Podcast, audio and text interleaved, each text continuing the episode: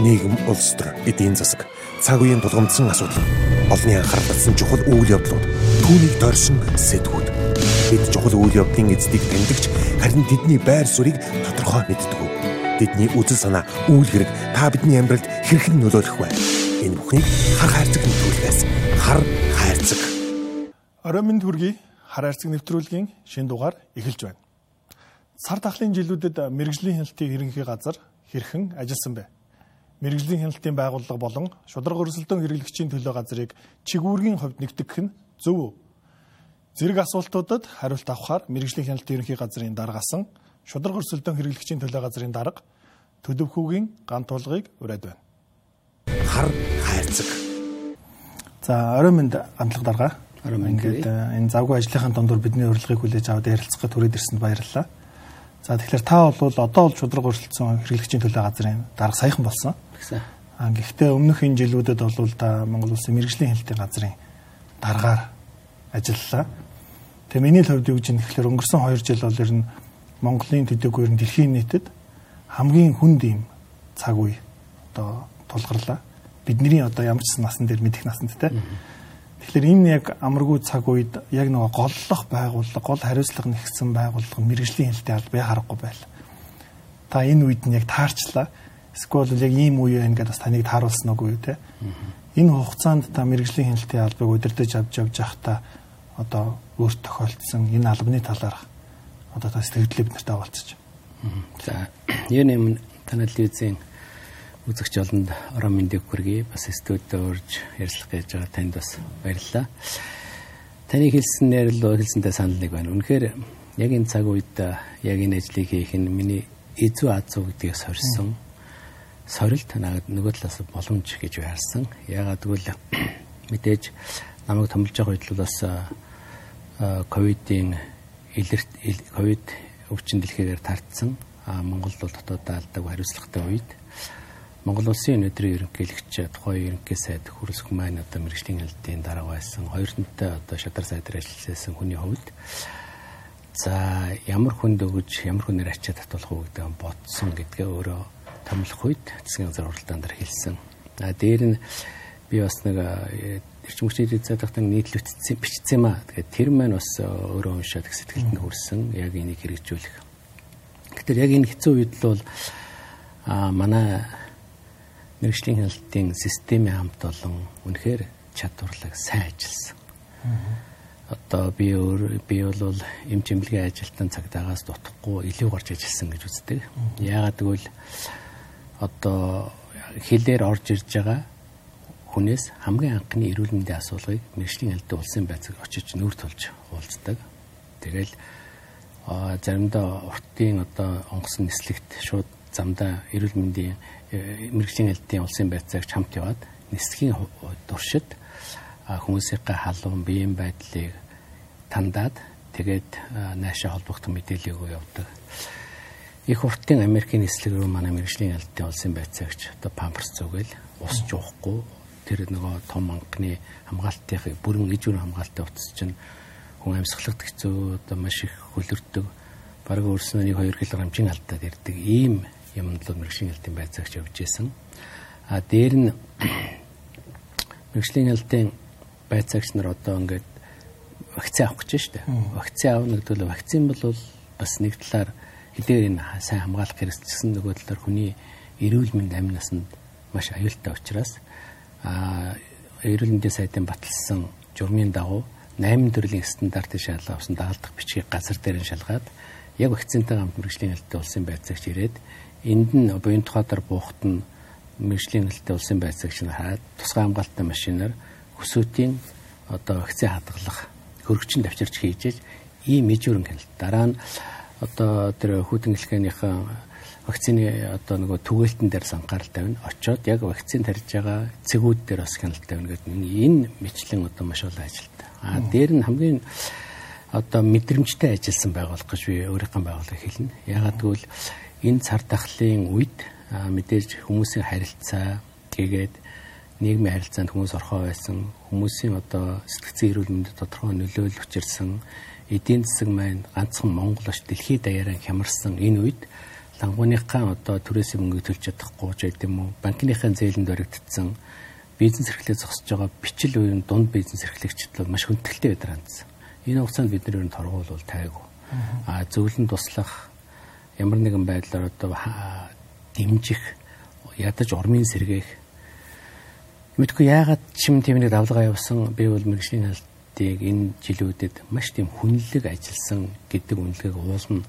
Манай бизнес эрхлэгч аж ахуйн нэгжүүд өгөх байх гэсэн чинь цөөхөн тооны хүмүүсийн үнэлгээгээр сошиалор манай байгууллагын нэр их сэвцэнд би харамсаж байгаа.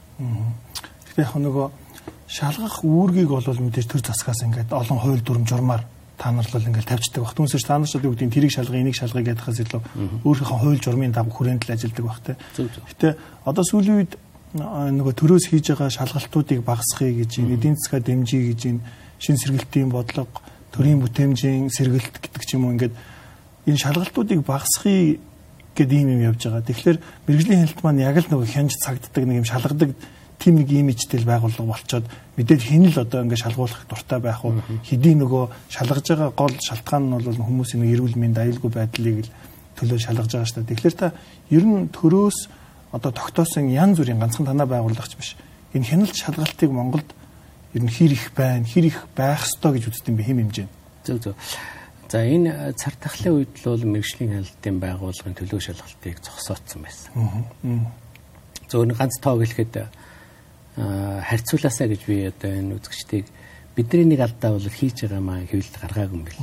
Би өөрөө хэвлэл мэдээлэлд хаалттай. Дээр нь манай мэрэгжлийн хяналтын байгууллагын онцлог нарийн байсан. Тухайлбал онцгой улсын онцгой комиссийн э, шийдвэрээр хийж байгаа бүх ажлууд маань зөвхөн хэвлэл мэдээлэлд ганцхан суугаар гарна гэдэг байдлаас хэвлэл мэдээлэлд гарч өөрийнхөө өөрийнхөө болон одоо хамт олонныхаа хийж байгаа ажлыг ойлгуулж чадаагүй нь харамсалтай.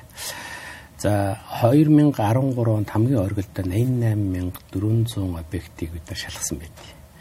За 2021 онд 9000 объект шалгахаар төлөвлөсөн.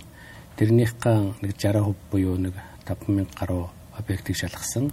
За 22 онд бид нар э, энэ төлөвлөгөөт хэн шалгалтайгаа 50% бууруулад яг бид нар хуультай 12 сарын 1-нд төлөвлөгөөт шалгалтыг ийм ийм газар хийнгээд тэр төлөвлөгөө шалгалтыг ихтэй эрсдлийн үнэлгээгээр хамгийн эрсдэлтэй объектуудыг сонгож аваад 12 сарын нийт хэвлэл мэдээлэл зарлцдаг.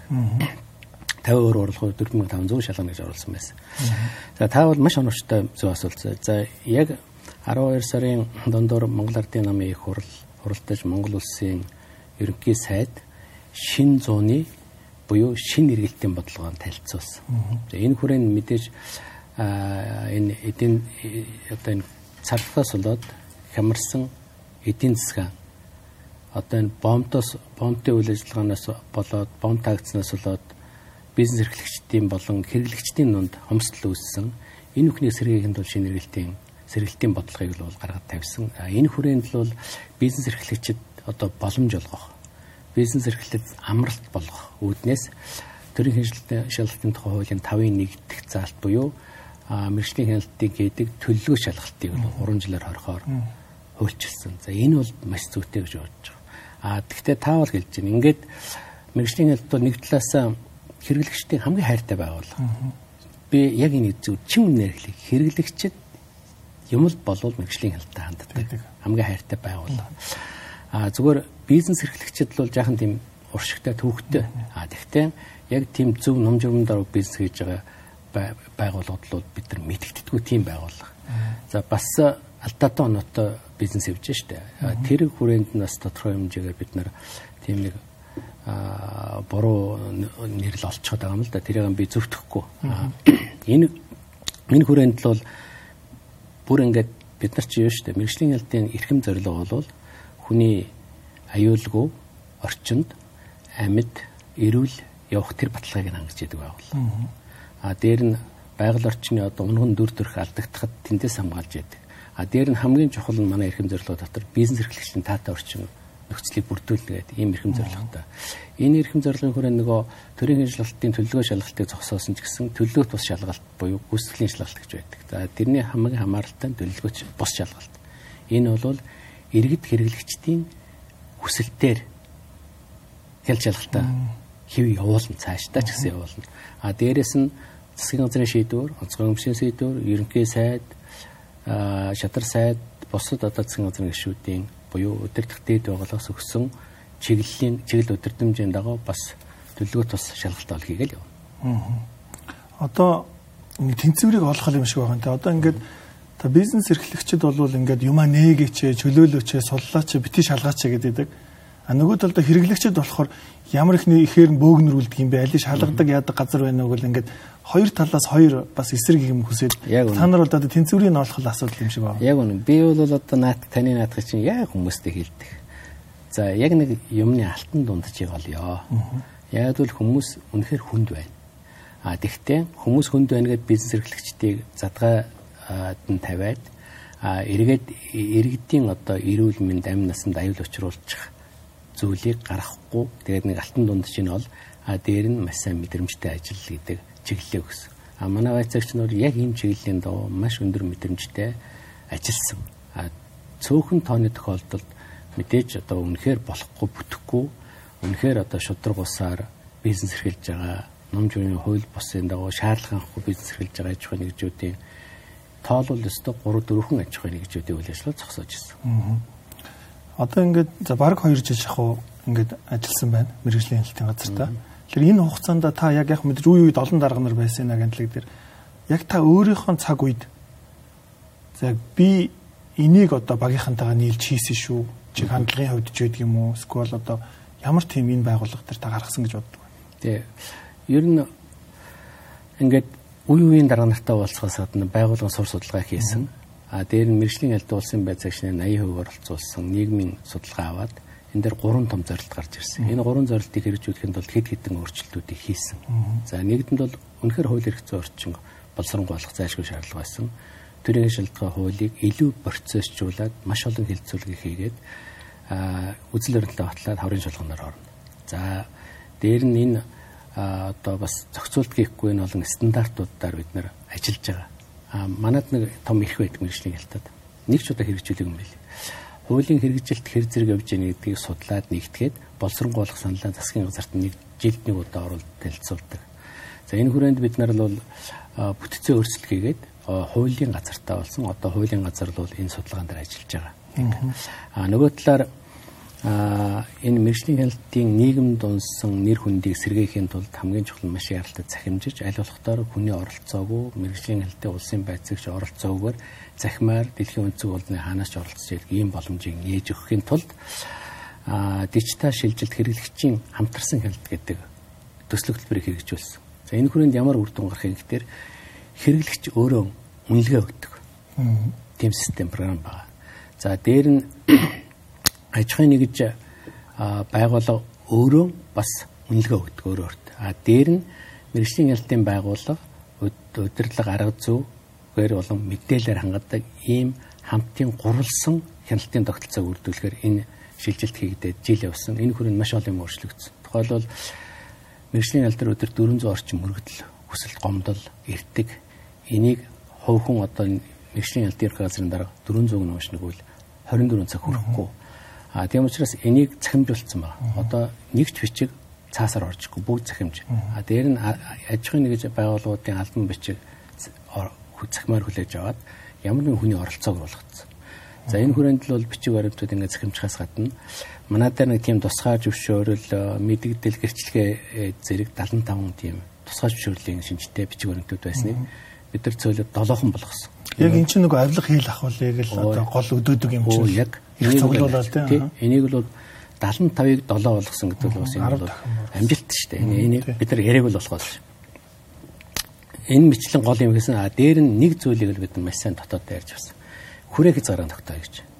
Мэргэжлийн хяналтын байгууллага үнэхээр хөндлөнгийн хараа тус хяналтанд тавийг гэвэл байгууллагын одоо дотоод аудит руу дотоод гэрэг рүү ормоорг байгаа. Жишээл 3 дугаар эмнэлэг эмнэлэгийн одоо дотоод гэрэг рүү бид нар орох ёсгүй.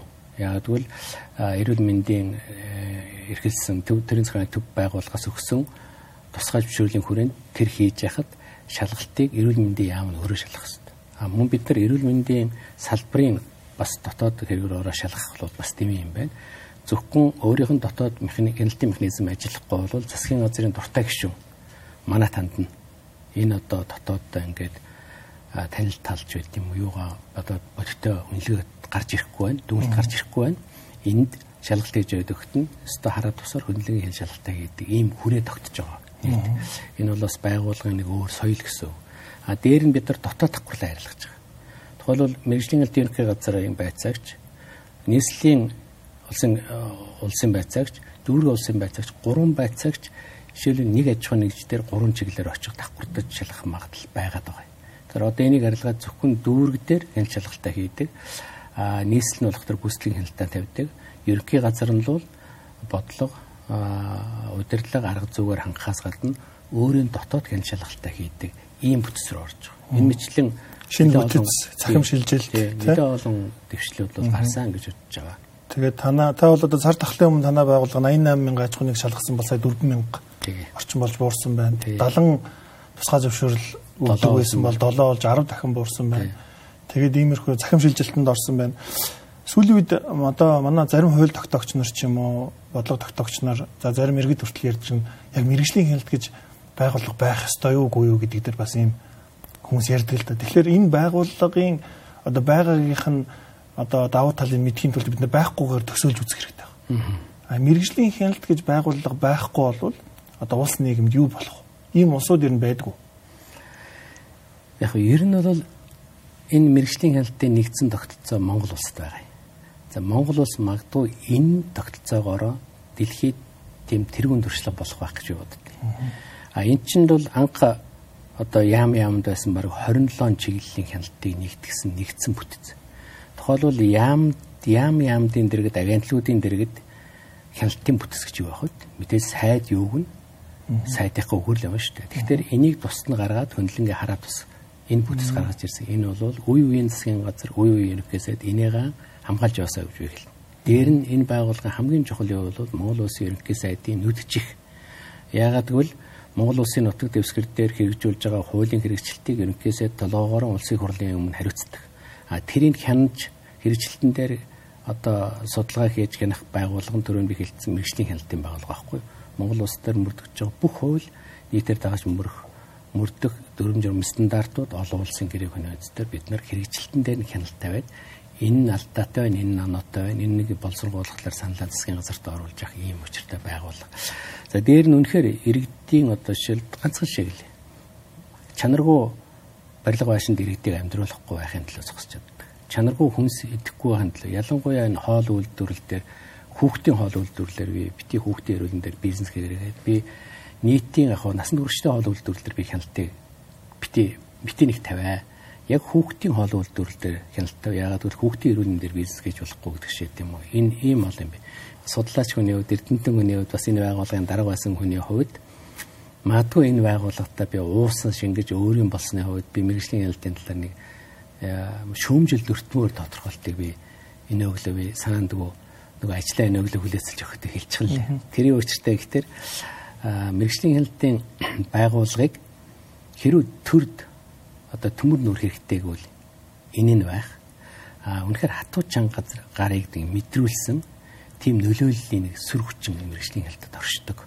Энэ нь яагаад тэгдэм гэхээр тэр мэрэгжлийн хяналтын байгууллагад ажиллаж байгаа хүмүүс бүх чиглэл салбарт мэрэгссэн бүх чиглэл салбараа мэддэг топ мэрэгчлүүд ажилладаг. Тэд нартай ингээд нэг жаахан гацсан шаардлага тавихад лав тэр дарга бол эргээ шөмжилд ордог.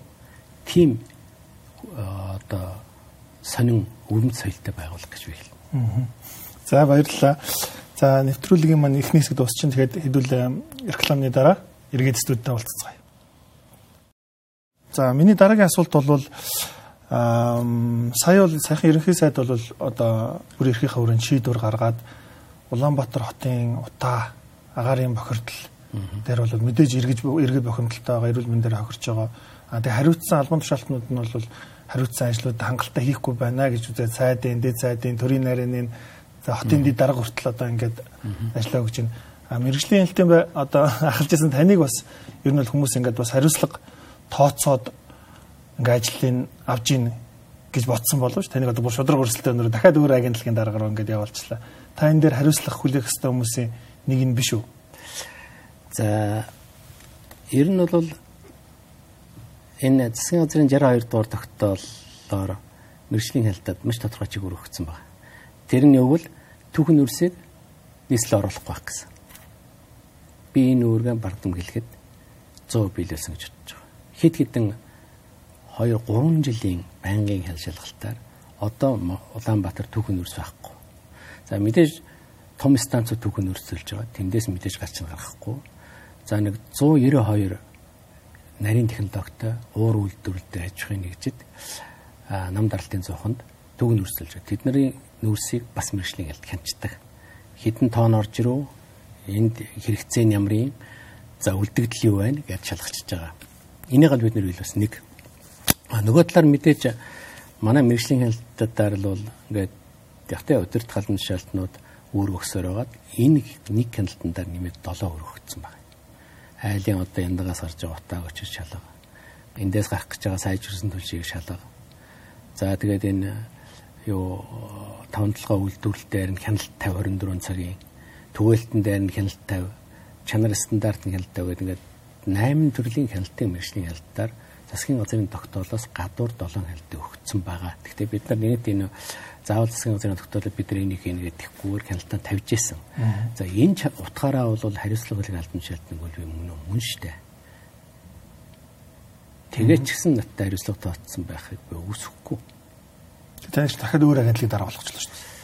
За одоо тэр бол бас нэг одоо энд би ил ирээд юм байна. Ерөнхий сайд бол бас нэлээд том зургаар тийм том юм харж байгаа юм байна лээ. Тэр том бодлогынхаа хүрээнд бол намайг бас нөгөө төрийн ажлын дадлаг туршлагатай а дээр нь нөгөө энэ мэрэгжлийн хяналтаа мэддэг тэгээд энэ ажил руу томлоод тодорхой үүрэг даалгавар өгсөн байгаа. Тодорхой нэг 7 8 сарын дараа энэ өгсөн үүрэг даалгавраа шалгана. А тэр хүрээнд нь бол би нэлээд сайн ажиллаж тодорхой судалгаатай, тооцоотой, үндэс сайтай саналыг боловсрол би Монгол Улсын ерөнхий сайдад өргөн барих юм. Зөв зөв. За танд бол за яг тэр мэдээж ерөнхий сайдын өөрийнх нь бүр эрхийн асуудал одоо ажлаа урагшлаа явуулахын тулд бол тий ямар шадартай хүмүүсийг хаана тавих нь тэр хүн гол нь үрдүн. Одоо шудраг өрсөлтөө хэрэглэгчийн төлөө газар гээд дараагийн бас нэг хил амтай байгууллага. За өмнөх дарга нь бол бас л хэл ам зөндөө татлал байсан. Ер нь үе үеийн дарга нар тий. Тэгэхээр шатхуун ч гэдэг одоо оролцохгүй юм байдгүй, оролцдоггүй одоо оролцдог юм байдгүй нэг юм байгууллага байна энэ байгууллагын ер нь та энэ байгууллагын талаар ямар бодолтой байдгүй. Тэг ер нь бас дахиад нэг юм шалгадаг байгууллага Монгол улсад хэрэгтэй мүү хэрэггүй юм. А ер нь бол мэрэгжлийн хяналтын байгууллага, шудраг өрсөлдөөний байгууллага хоёр хоорондоо нэг хамтран ажилладаг. Шалгалтуудыг хамтар дандаа хийдэг. Тэгэхээр энэ хоёрт ердөөсөн эхний ээж нэг чиг үүргийг нэгтгэж юм санагдсан. Өөрөөр хэрэглэгчдийн эрх шиг хамгаалах газар нь илүү мэрэгжлийн хяналтаар байх нь зүйтэй. Mm -hmm мэрэгжлийн хялт бол хам ердөөсөн э, энэ юу юм бэлээ штэ. Хөнгөчний үед боломжгүй мөлий шалгалт гэх. Би чинь бол одоо орон тооны бол орон тооны бас 4400 байцаагчтай даргаална штэ.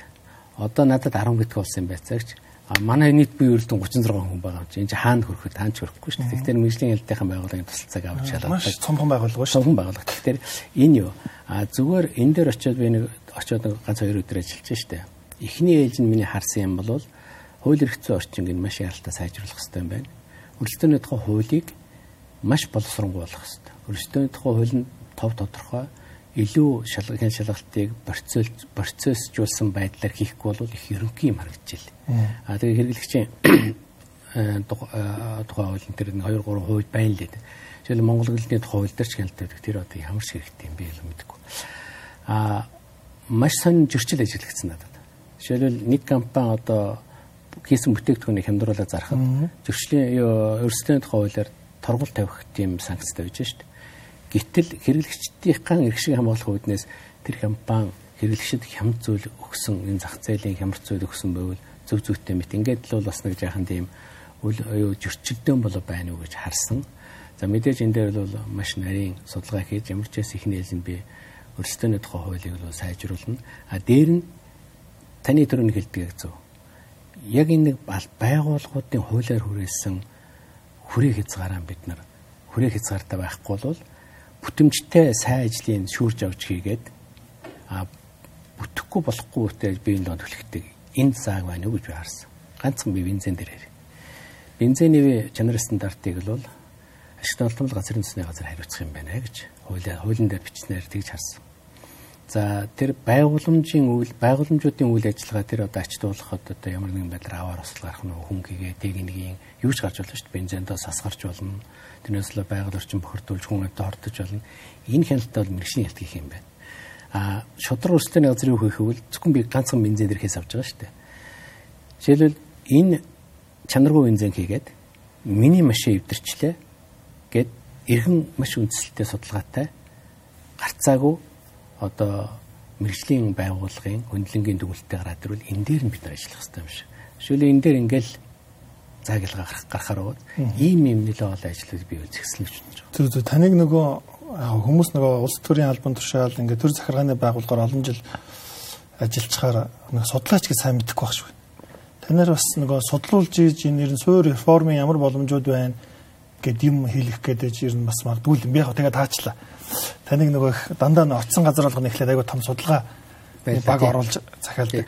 Ер нь одоо аа та нөгөө судлаач талаасаа ингээд та одоо бас 20 20 онд бас ковидын талаар нийтлэл бичсэн байсан. За одоо ингээд эргээд тэр 2 жилийн дараа уншиж байхад бол за ер нь нэлээд оноод ингээд бичсэн байдаг.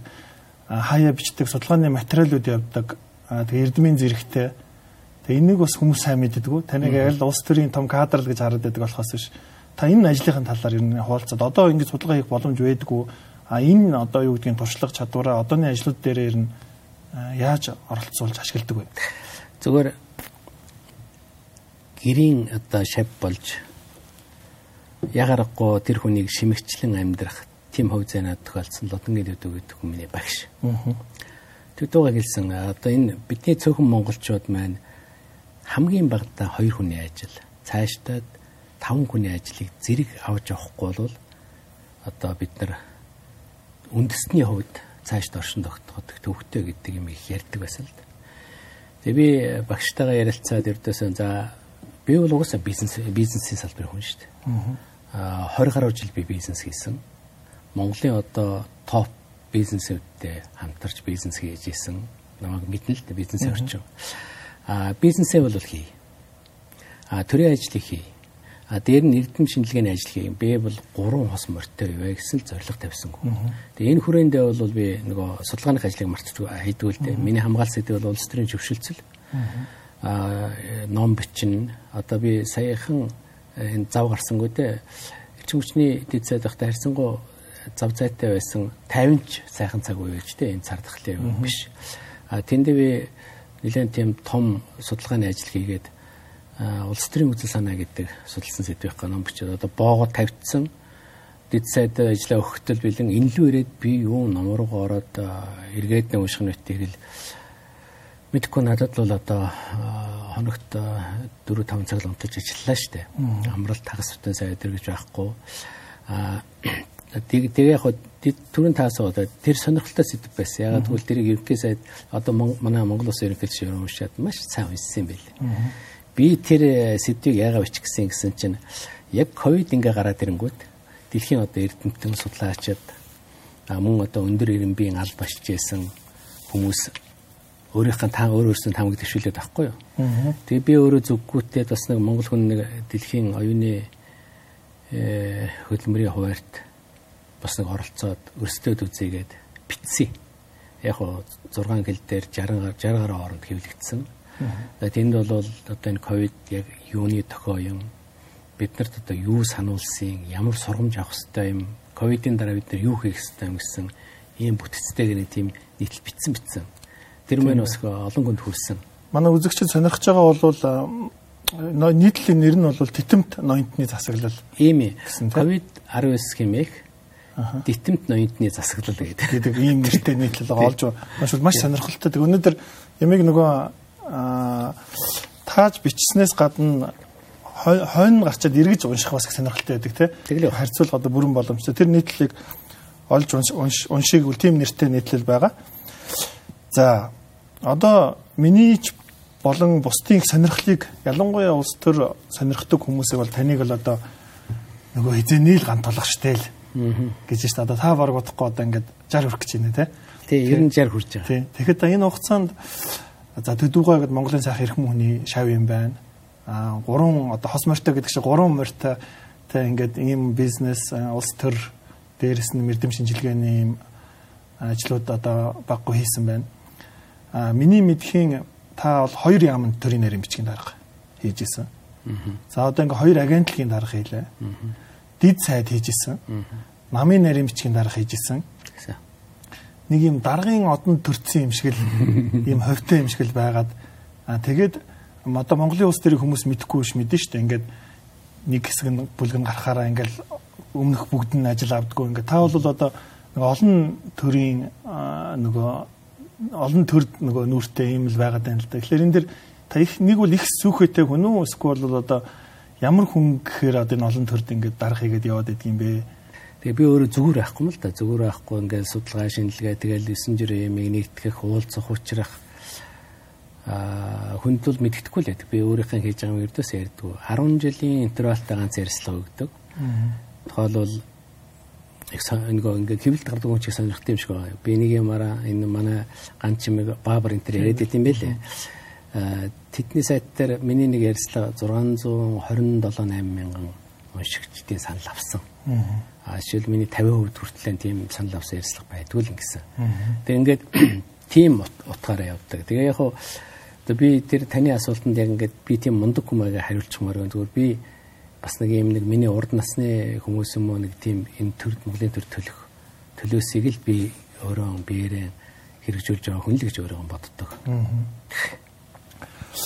Би түрүүн таныг тийм олон газар дарга хийжсэн гэж дурдж байгаа нь асуулт байгаа. Аа за. Одоо энэ бол ер нь бол нөгөө хүнийг улс удирдахад бэлддэг болвол одоо бөхөр бол хэвтэй барилдаан босоо барилдаан тэ заалны бэлтгэл хүчнийх гэл одоо ингээд бид нар ингээд ярьдаг шиг та бол одоо ингээд эрчим хүч байгаль орчин хөдөө аж ахуй яам тэгээд одоо мэрэгжлийн хяналт аа тэгээд одоо агентлагууд ингээд ихэр чинь ер нь Монголд бол та ингээд тойроод ажилласан учраас хаана яг юу нь болохгүй байгааг хаана яг бид нар яг үнэхээр хамгийн түрүүл юунд санаа зовх уу гэдэг одоо суур асуудлууд байна шүү дээ тэрийг бол та тойрч яваад олон өнцгөөс харьцуулж боломжтой байсан зөвхөн хүний нэг байх гэж боддог. Тэгэхээр танд энэ хугацаанд ажиллаж байхад ер нь Монголд хамгийн том эд монголчууд нь энийг л эхлээд одоо янзлах ёстой шүү гэдэг тийм бодлогын юмнууд байдгүй одоо. Маш товчхон. Монголчууд бид нар бид нар дөрдөөсөн нэг тийм сэтгэлгээний хандлага маш яаралтай өөрчлөгийн юм шаардлагууд болсон. Сэтгэлгээний хандлага. Хандлага Монгол Улсын ерөнхий сайдын хэрэгжүүлж байгаа энэ эрх барьж байгаа намыг хэрэгжүүлж байгаа нэг Монгол нэг зүгт буюу энэ нэг нэгдсэн нэг Монгол хоорондын эв нэгдэл энэ маш чухал. Би өөрөө бас э, төвөгч мэрэгчлээ. Үе үеийн түүхийн явцыг ингээ харахад эрдөөсөл үл ойлголцол хов жив одоо тэр эвдрэл одоо эндээс л болж Монгол орон дандаа урууд дороодсон байдаг. Тэгэхээр одоо яг энэ цаг үед бид нар маш ив нэгдэлтэй байж ижил хөгжинө гэж манай хөгжин дэлгүүрлэр төсөө бидний ив нэгдэл яг нэг зүгт хүн болгоны зүрхэнд Монгол гэдэг Монгол улс хүчрэх байх, Монголын ард түмэн баян чинэлэг байх. Энэ Монголын одоо өр хүүхдүүд хамгийн одоо топ өндөр сургуулийг сурч дэлхийн түвшний топ мэрэгчлэлд болох энэ чухал юм бол бидний хөгжлийг тушаад байгаа юм. А түүнээс бид нар бүх юм байгаа биднэрт баялаг байна. Биднэрт энэ хүний сайхан потенциал байна. Энэ өргөн удам газар нутг байна. Азар геополитикийн үед бид нар тэнгистлээ юу ч хэрэггүй. Бид нар нөгөө хөрсгөн гэлэгч хэлээд хүн далаад явж шít. Надад нэг том Стэнфорд эрдэмтэд хэлж ирсэн. Танайх далаа тэнгисээр яах юм бэ? Бид нар далаад гарах гэж юм бодлох гэж бүүн зардал болж байгаа. Та нарын чинь нэг хөл хамгийн том одоо зах зээл дээр нэг хишгээтэй байж байгаа гэж хэлж ирсэн. Бид нар тийм ид журам боломж, бүхэл боломж байгаа. Ганцхан бид нар хүчтэй байгуул эвтэй байх хэрэгтэй. Нэг удирдлагын дор удирдах хэрэгтэй. Бидний хитрхи их энэ хитээдсэн эрхчлөө. Энэ утгаа алдсан ардчлал. Энэ сахилгагүй, хариуцлагагүй, энэ дэгжингүй байх энэ явдал бид нар хэрэггүй. Хүн болгон одоо шил ганц л юм байгаа хэрэгтэй шүү дээ. Одоо ингээд нүүрсэн дээр 100 хавч гэж байж шээ. Гэхдээ өөрөө ингэх хэрэгтэй. Тамиг татж байгаа архиуж байгаа мөнгөөрөө хөрвөлөө 100 авчихлаа. Тэр нэг гэр чинь 5 хүн байна. Тавуулаа гар утастай. Нэг гар утасны мөнгөөр 100 авалт. Ийм юмнуудаар бид нар өөрчлөлтийг хөвхөн өөр дөр өөрчлөх хэрэгтэй байхгүй юу? Энэ бас их чухал. Эрдэмт нь надад хэлсэн. Улс орон яаж хөгжих вэ гэсэн. Хүмүүсийн сэтгэлийг өөрчлөх гэсэн. Хэдэн жил хэрэгтэй гэсэн? 60 жил хэрэгтэй гэсэн. Нэг хүний амьдралын хугацаа шүү. Нэг хүний амьдралын хугацаа. Тэр энэ ямар төвхтэй сэдв гэдэг би тайлбарлахгүй хэлчихлээ шүү. Тэгэхээр би сэтгэлийн хандлага өөрчлөх гэж. Та түрүү нөгөө их сонирхолтой сэдвээр эрдэмтэн зэрэг хамгаалсан тэр улс төрийн зөвшөөрөл зөвшөөрлөх гэсэн тийм. Тэгэхээр ер нь одоо зөвшөлдсөх гэдэг чинь бас л энэ нэг бодлогын дор нэгдэх одоо энэтэй л холбоотой гэсэн үг үстэй. Гэхдээ энэ чинь ер нь хэлэхэд амарх юм шүү. Хүн болгон монголчууд өвтэй байхдаа өвчтэй гэж хэлцдэг. Тэгээ чи яг амьдрал дээр яаж нэг практик сууж одоо одоо жишээ хамгийн ихний имийг зүгээр э, нэг жижигхэн вирус л одоо хүндрэлтэнд мангалттай хэллээ шүү дээ. Ойлгуулж байна. Э, вирусын энэ энэ хөрчил бол одоо ингэж шүү зөвхөн гэртээ бай.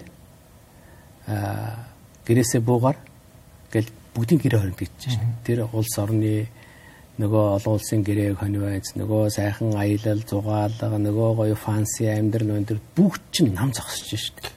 Тэгэхээр ийм ийм өчүүхэн байхгүй хүний амьдрал. Ч одоо ерөн бүч надад хэлжсэн юм. Та эрдөөсөө өглөө усаад за би өнөдөр өгч магадгүй гэдэг өөртөө тийм өгтлөгөө гэж. Тэгэх юм бол таны одоо шуналд ачаал хүсэл одоо ата хорсол хүнтэй зодоо хийх гээд муудалцах гээд юм уу хүнд муу өгөх гэж бүгд мартагдана гэж. Тэр шиг монголчууд энийг л өөрчилж байгаа хэрэгтэй. Сая бол хангалттай бид нар мэдрэмж авлаа шүү дээ. Хүнд бол эрдөөсөн юу эрхэм юм, юу эрхэм биш юм, юу хурамч юм. Энийг хэлээ өгцөөсөөс одоо монголчууд бол энэ энэ том сургамжийн дараа цаашаа хөгжөхөд маш амархан гэж болгож байгаа. А дээр нь нэг гой цаг ирчлээ шүү дээ. Би өнөхөр одоо цаг байвал энэ төв засгийн доктортой байлгах чухал шүү. Одоо ингээд нэг хамгийн багадаа нэг 8 жил 12 жил ингээд доктортой байх юм бол бодит энэ жижигхэн эдийн засгтай цомхон оронд дороо усаад ирнэ шүү. Тэгээ нэг байгалийн байлгтай.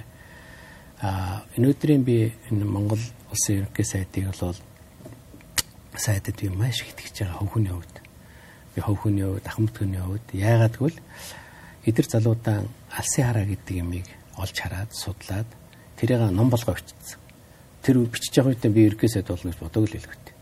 Тэгээд хэрэглэх газрын дарга багтаа Монгол улсын топ эрдэмтэд, судлаачид, гадна дотны судлаачдыг яажгаад алсын хараа 20 50 гэдэг 30 жилийнхаа өөрийн үзэл санаагаа тэр алсын хараа үзэл санаагаа бодлогын баримт бичиг болгоо гаргацсан. Одоо өөрөө яг хэрэгжүүлэхээр дараад ирж байгаа. За ийм боломж дахиж олдохгүй гэдгийг шууд шулуун хэлье. Зарим энийг юмдаар нь бол ард өмсөн чангалаа дэвчээд залуу хүн мэдээж алдаа оноо байна. Тэрийг уучлаад тэгээ энэ ажлыг би хийлгээсэй гэж хүсэж байгаа. Өөрөөр хэлбэл ийм 20 50 хүртэл бодлого бичсэн одоо хүн бол чухал байхгүй. Чинь маш чухал шүү дээ. Хүн чинь гарч ирээд ажиллаа судлан гэхгүй өөрөө эдгэр залуудаа одоо хардсан юм аа. Боловсруулсан бодлогын бичвэртэй гаргаад би энийг хийгээ гараад ирж байгаа хүн ахиж ийм боломж олдохгүй шүү дээ монголчууд эднэр. Түрүүн та бас нөгөө хэлсэн шүү дээ. Одоогийн манай хөрөлцөх ерөнхийлөгч ерөнхий сайд байхдаа таныг бичсэн юм чинь за та судалсан байна энэ ажлыг хийгээрэй гэд хамгийн фронт руу гоё явуулчихдаг шиг тий. Ер нь тэгэхэд бол таныг нэлээд ширүүн газар руу илгээсэн байх шүү тэр. Чанга юм чанга чанга газар байсан. Айгүй хэцүү газар байсан. За хэдүүл ингээ хэдхэн минутын дараа эргээд студидтэй уулзцгаая. Хар хайрцаг нэвтрүүлэг үргэлжилж байна. Ингээд эргээд студидтэй гамтлага дарахтаа уулзж байна. За хоёулаа сая рекламны өмнө болохоор аюурд нэрхий сайд За 80-аад оны залуу. За одоо баг миний үеийнх. А та бол өөрөө одоо 60-аад оны хүн. Дээрээс нь 30-аад жил одоо 90 онд манх намд илснээ бодгол юм бол гаалтаагаас 30-аад жилийн ямар нэгэн байдлаар энэ улсыг одоо хөгжүүлчих гээл бүх төрлийн байгууллагад ажилласан. Ингээд олон жил ажилласны дараа одоо өнгөрсөн жилээс бол ийм айгүй зав залуухан. Ерөнхий сайдээс одоо команд аваад за би бас ерөнхий сайдыг бас одоо гаднаа юм дэлгүүхэн байдалтай дотроо бас ааштай хүмүүс сонссон. Тэгээд янз бүрээр загнуулах үйж байдаг бах, хамтраад ажиллах ч үе байдаг бах. Тэгээд ийм одоо асар туршлагатай хүн байжж ийм одоо нэгэн хэсэг намынхан дүүнер нь байсан. Одоо амар хэсэг олон гинсэг гэх юм уу дүүнер нь байсан. Тэгээд одоо бүгд дарга нар нь болсон. Тэгээд дүүнерт ороо ажиллах хэцүү байдгүй. Танд ямар мэдрэмж төрдөг вэ? Тий, юу ингээ үс солигдно гэдэг бол би одоо ингээд хоёр үс солигдохыг харахаас гадна яг өөрөө бичлэн оролцож байгаа учраас надад бол одоо нөгөө шин юм биш хуучин 50 амгалан бодитоор хүлэмжшөрч ингэж цогцож амьдарч байгаа. Бид нар өөрснөө 60-аад оныхон 40-аад оныхоос үе явсан. Бидний 40-аад оных гэдэг бол Лодонгийн төдөө, Дашандон, Бэмсрэнгой одоо юу гэдэг акулууд шүү дээ. Тэгээд тэндээс үе авч яасан. Гэхдээ бид нар бол харьцангуйс зөрчилтэй үе авч яасан. Өдөр зүйлээ урал гэж яхад нь 100 гол ороод гурван шаардлага тавиад энийг биелүүлэхгүй гарахгүй гэж бас л ингэж л үе солигдчихсэн.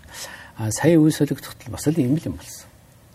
Манай 80-аад оныхныхаа төлөөлж бүх зүйлийг өөртөө риск хийж мөрөндөө үүрч явсан хүн бол ягарахгүй Монгол ардын намын дараа Монгол улсын ерөнхийсэд хоёрд нөр хүн шүү дээ ямар хэцүү үед би яг эдэр залуугаатаа боддог байхгүй яг л хайрламар дэмжээр тусламар тэр тэр үед надад ямар аймаар эрсдэл шийдлүүд зориг мохох айх гэрте орохдоо хүртэл хамгаалагчаараа явуулаад гэрийн хаалга үзүүлжсэн тийм үеудлуудыг туулсан гэж би боддог.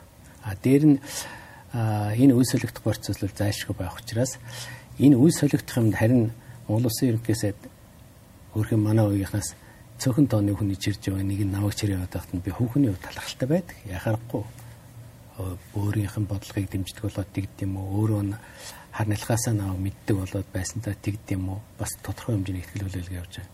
Тэгээ ерөнхий сайд өв загнуулаа загнаа. Би бол одоо засгийн газрын хуралдаар хоцорно, засгийн газрын хуралдаандаар доорлогч даргаа явуул, загнуулна, ерөнхий сайдтай хөөгдөөд гаргана. Энэ байх л асуудал шүү дээ. Энэ ажилтай энэ ажил юм чинь ажил юм чинь нөгөө агентлагийн дараа үттэйгэл засгийн газрын гишүүн ерхий сайдтай загнуулах загнуулна шүү дээ. Өөрөө алдаа дутагдал гаргуул мэдээж алдаа дутагдал гаргахгүй бол ерхий сайд ер нь ууралдгүй хүн шүү дээ. Нэг уурлаад байх. Гайгүй. Тийм олон хайш маштай биш. Маш тийм э сайн аштай хүн шүү дээ. Ер нь ууралдгүй. Тийм үү тий. Би нэг задвал өөртөө нэг ярилцлага хийж байгаад асуухаас. Өн дээр хоёулын ярилцлагын хугацаанд ер нь 10 минут үлдчихэв. Тэгээ би танаас юу гэж асуух гэж байна гэхэлэр засгийн газрын хэрэглэх газрын дарга нэмд оржгүй нэг гудамжинд таарад өгсөн ярилцлаганд хэлсэн байсан. Одоо энэ залуу шууд бол салхихтэй юм аа. Гэт ингээд хажууд нас заримдаа ингээд толхтой хүмүүс байгаад ингээд дэмжиэд ингээд яг бүх юмыг заагаад авахгүй ч гэсэн хаяа яг тийм юм дээр ингээд салхийг тааруулдаг байх хэрэгтэй гэд. Тэгэхээр танд ингээд одоо энэ залуучууд ингээд гараад ирэхээр энэ залуучууд л одоо юу гэдгийг бүтлгүүтэх юм бол энэ хитгэн залуучууд биш ингээд үеэрээ бол за 80 оных болоог байна л гэдэг юм болох гэдэг юм л да. Тэгэхээр танд ер нь нэг зөвлөж юмсан да. Ер нь бол иймэрхүү юмыг л бодож яваасаа тэгвэл алдаа гарах нь хол шүү гэдэг ч юм уу тэгж боддог юм. Ер нь манай үеийн залуучуудад дээрэс нь одоо энэ одоо гэдэг улсаа тохинуулах гэж явж байгаа залуучуудаа хандаж боддог зүйл бий юу хэлэхэд. Би бол харьцангуй яг энэ 80-ад оныхан буюу одоо өдөр чи хүүхдүүд биш шүү дээ. 40 настай жинхэнэ одоо нөгөө эд бэр бүх ухаан, оюун бодол, дуршлаг, боловсрол бүх юм эд жагссан хүмүүсийг би залуу гэж хэлэхгүй. Аа яхахгүй ачны өндөг үүрэх цаг мөн өмнө, нас мөн өмнө харьцангуй ингээ харж яхад миний бидний дараагийн үйл маш өндөр түвшинд бэлтгэгдсэн байж харж байгаа. Одоо ингээд яг 60-аад оныхнаас бол эдгээр чинь олон юмар тасарсан шүү дээ. Ядаж хил ус байна энэ техник хэрэгслийг бүрэн ашиглаж байгаа байдал байна. Маш энийгэн дагсан хурд байна. Дэлхийд дээр байгаа олон мэдээллийг бол хормын дотор ямар ч хэлээр аваад уншиж болж шийдлүүд гаргахад нь амар болсон байна. Энэ бүх талаас бол дэжгүй сайн байгаа. А дээр нь би зөв бодд юм доо би залуу хүнийг алдаатай байх туртай. Аа залуу хүний алдаа бол надад гой санагддаг. А залуугараа их тийм бор санаатай болчих юм бол 60 өрхтэй тэр хүн бол маш муухай хүн болно шүү дээ. Жинхэнэ хар санаатай бол. А тэгэхээр залуучууд алдаатай байна гэдэг бол их тийм ойлгож өөрчилж болох асуудал учраас тэр алдааг нь хэлээл энэ дээр нь зөвлөд яваад байх бол илүү их ажил. Би ердөн цаашдаа ч хүнд ч зөвлөхгүй гэж бодож байгаа. Харин зүгээр дасгалжуулагч хийж болно. Би яг тийм одоо би ирээдүйн ерөнхийлөгч болёо, ерөнхий сайд болёо сайд бол яваг тэр хүний би зөвлөгнөөс дасгалжуулагч нэ гэж байна. Одоо чи би тамирчин байгаад байна шүү дээ. Тэтгэвртэй харахтаар би дасгалжуулагчийг нишилж нээд. Тэр өөрөөр хэлбэл нөгөө алдчихгүй залуу хүн алдчихгүй гэл айгаал юу ч хийхгүй байсан дөрөв. Ер нь л ирч хүчтэй маш зөв. Маш зөв байх юм тий. Тийм шүү. Тэгэхгүй ингээл алдаа гаргачихгүйг айгаа суугаад байх юм бол ажил явахгүй шүү дээ. Би нэг нэг нийт нэг ярьсанд өгсөн байд. Ер нь л оргилд байх маш хэцүү. Оргилд байх. Оргилд бол маш өндөр мэдрэмжийн сонор сэрэмжтэй аль паак хэрэгтэй болдог. Төдөө ганаад гэлжсэн. Өндөр байх тусмаа дээшээ явна, дээшээ гарах тусам бүх хэмжээ илэрнэ гэж. Аа уулын бэлт болох гоё. Тэнд бол амьдрал уцална, болно, бүтэхгүй, тэнд бүх юм явж идэг. Ориглын зовлон бол мэдээж үеийнхнийгаа төлөөлөөд бүхэл бүтэн Монгол улсын том иргэшийн төлөө, Монголын ард түмний сайн сайхны төлөө ачаа өөр явж байгаа хүмүүсийг бол хайрлаж, хүндэтгэж, бодож, өршөөлж, уурчилж авах хэрэгтэй Би тэгж л боддог. Юун дээр би нөгөө та нэг үе үе монголчуудын нах түрүүн та хэлээ эвтэй байя одоо тэгээд ингээд нэгэн бодлогоор тэг нэгэн дуу хоолойтой ингээд бай. За энэ ч утгаараа одоо нэгдэж чадах юм бол одоо саяны оюут толгой Рио Тинтотой ямар сайн хэлцээр хийж болдгийн тий. Олон жил одоо буруу чигтэй явсан юм зөв чиглүүлж болж гин гэдэг ч юм уу иймэрхүү утгаар хэллээ гэж бодож байна. Тийм хамтын олз гэдэг бол хамгийн томоо гэдэг байдлаар хэллээ гэж бодож байна. Аа одоо ер нь ганцхан юу гэдгийг нэг салбар гэлтэхгүйгээр та энэ салбарууд дундаас одоо хамгийн Монгол улсын одоо шин сэргэлт гэж ярьж байгаа энэ үед хамгийн одоо айж явдаг гэх юм уу болгоомжилж явдаг Монголын хязгаарлах хүчин зүйлийг та юу гэж бодож байна? Яг би таныг нэг бодоод бол жишээ нь эрчим хүч бол маш ийм одоо ийм критик мөчөнд ирсэн байгаа шүү гэдгийг л таад эрчим хүчний дэд сайд байсан тэр үед хэлжсэн те. Ер нь бол одоо дэлхийн топ судлаачид л бол хүндрэлтний өмнө 3 том хүмстэл аюул ирнэ гэж хэлж байгаа. Хамгийн эхлээд усны аюул. Яагаад гэвэл энэ чинь нөгөө хүний буруутай үйл ажиллагаа дэлхийн дулаарлаас болоод байгаль орчин тэнцвэртэй байдлаа алдчих. Одоо өнөөдөр дэлхийн дулаарл нэг 0.89-оор дулаардсан байгаа. Хэрвээ 2.2 болох юм бол бүх оймод алга болно. Бүх оймод алга болно. Бүх одоо мөсөн голууд тайлж алга болно. Бүгд цөлжин амьд дэм ургамд байхад хэцүү. Яг ийм үед дэлхийд дээр 10 20 тэр ум хүнийг ямар юмар нэг үнсээр яаж одоо одоо хүнс тариалах уу гэдэг ингээд асуудал байсан. За яг устдаа уйлдаад хүнсний хөмсдөл мэдээж ус ингээд байхгүй улс үед хүнс гэдэг ойлголт байхгүй бол. За ингээд эрэхтэр явж явж нөгөө эрчим хүчний шахавчгүй хүчин чадлыг ашиглах гэх эрчим хүчээр одоо бүх юмыг шийдэх гэж үз. Тэгэхээр энэ гурван хэрэглээ бол яг одоо хүндрэлтний өмнө хоолоодоор нутаг байгаа учраас харин одоо Монгол улсын ерөнхийлөгч дэлхийг уриаллаа шүү дээ. Жижигхэн Монгол орн цөлжилтгтэй эрсдэс уур уур амьсгалтай энэ орн тэрэн гаруй мод тарийгээд ингээ санаачлаг гаргалаа. За харин энэ эргэлгчийн санаачлагыг бол манай иргэд аж ахуйн нэгж ёстой нам эвслэг гэж талцахгүй оролцож дөржгүүр дэмжиж байгаад би хувь хүн хувьд маш талархалтай байна. Маш өндөр дэмжлэгтэй байлаа шүү дээ. Аж ахуйн нэгжүүд болонгой маш талархалтай байна. Тэгээ энэний ард монголчууд бас л нөгөө ивэн нэгдлийнхэн хүчээр бие биенийгаа ямар алдаа байж болно уу? Огч хүмжлэх байх хэрэгтэй. Аа. Ажил хийх хэцүү шүү дээ алдаагаар. Аа. Зөв зөв. За ингээд нэвтрүүлэг маань ерөнхийдөө ингээд өндөрлөхөд өгч байна. Тэгээд хамгийн сүүлийн асуултыг би нөгөө асуултанд хашигддаг хариулт гэж нэрлэдэг. Тэгэхээр танд ер нь бол одоо энэ дээрээ нэг зориод хэлчихий да гэсэн мөртлөө хэлж амжаагүй тийм зүйл байна уу? Би юм бол их сайхан ярьчлаа. Ер нь одоо ингээд яхан завтаа бол бас өөрийнхөө нэг үзэж үзсэн, сурсан, дуулсан, судалсан энэ юм аа бол би энэ тэнд ороод яхан ингээд улс төрчгөөр яриа яваад байна. Яг үнэ. Та ер нь ярьдгүй шүү одоо жаахан яриад оролцоо яа гэж бодож байгаа. Ингээд танахаа салхи хагаллаа. Салхи юм хагалж өгсөн таны телевизд баярлалаа. Би дээр нэг юм баярлалаа. Монголчууд аливаа ямиг амдаж хөгжих тийм боломж гэдгийг танай телевиз харуулж байгаа. Ямар гоё одоо контентууд хийж байна.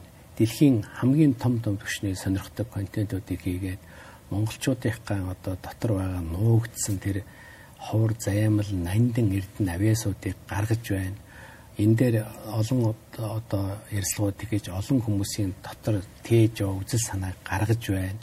Тэр эрдэмтэд юм чи одоо манай төрцгийнхээ маш хардаг нэвтрүүлэг телевиз шүү дээ. Угасаа ч тандалт их сайн авдаг сайн телевиз бүх юмараа их тийм бэлтгэгдсэн одоо яг тийм жишг болсон телевиз гэж боддог. Эний чинь бүх төр засгийн шийдвэр хөндөг төвчний хүмүүс байнга ажиллаж идэг. Тэр энэ энэ формата битээ алдараа, энэ бодлогоо битээ алдараа цаашдаа монголчуудыг соён гээрүүлэх Монголын ард түмний үзэл санаа тээж явж байгаа олон том аавын хүүгийн тархины төвжийг мултлаасаа гэж ярихөр байна. Маш их баярлалаа. Маш сайхан ирүүл байна. За тэгээд хуучин ажлаа хүлээлгэж өгсөн, шинэ ажлаа хүлээж авсан ийм завгүй өдрийнхөө дундуур хурж ирээд ингээд нэгэн цагийн хугацаанд ч гэсэн ярилцах одоо ингээд завыг гаргасан танд их баярлалаа. Баярлалаа. Дэрэс нь хамт байсан үзэгчдэд баярлалаа. Ингээд дараагийн хараа эрцэг нэвтрүүлгээр эрг уулзцгаая.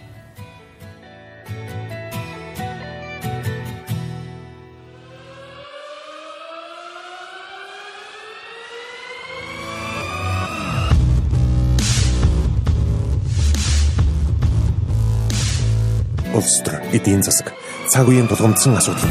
Олонний анхаарал татсан чухал үйл явдлууд. Түүнийг дорсон сэдвүүд.